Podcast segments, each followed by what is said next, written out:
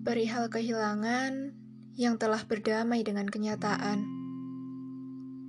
Terkadang, beberapa hubungan harus berakhir dengan perpisahan. Di satu waktu, beberapa hubungan terpaksa berhenti di tengah jalan. Tentang kita yang ditinggalkan oleh seseorang yang teristimewakan.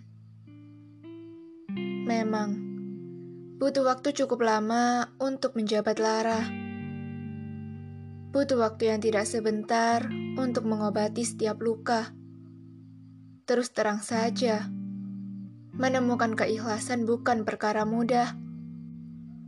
Namun, beberapa patah hati punya alasan untuk datang meski tak diingini.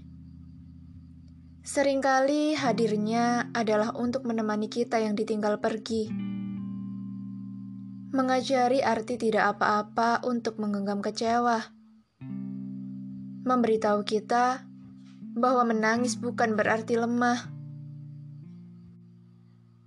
tapi wajar saja sebagai manusia biasa yang perasa.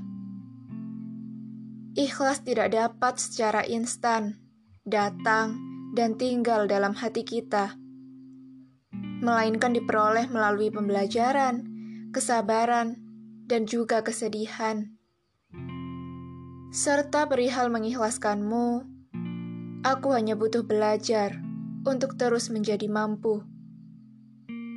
Karena selain mengikhlaskanmu, aku percaya bahwa akan ada kehilangan-kehilangan lainnya di masa selanjutnya.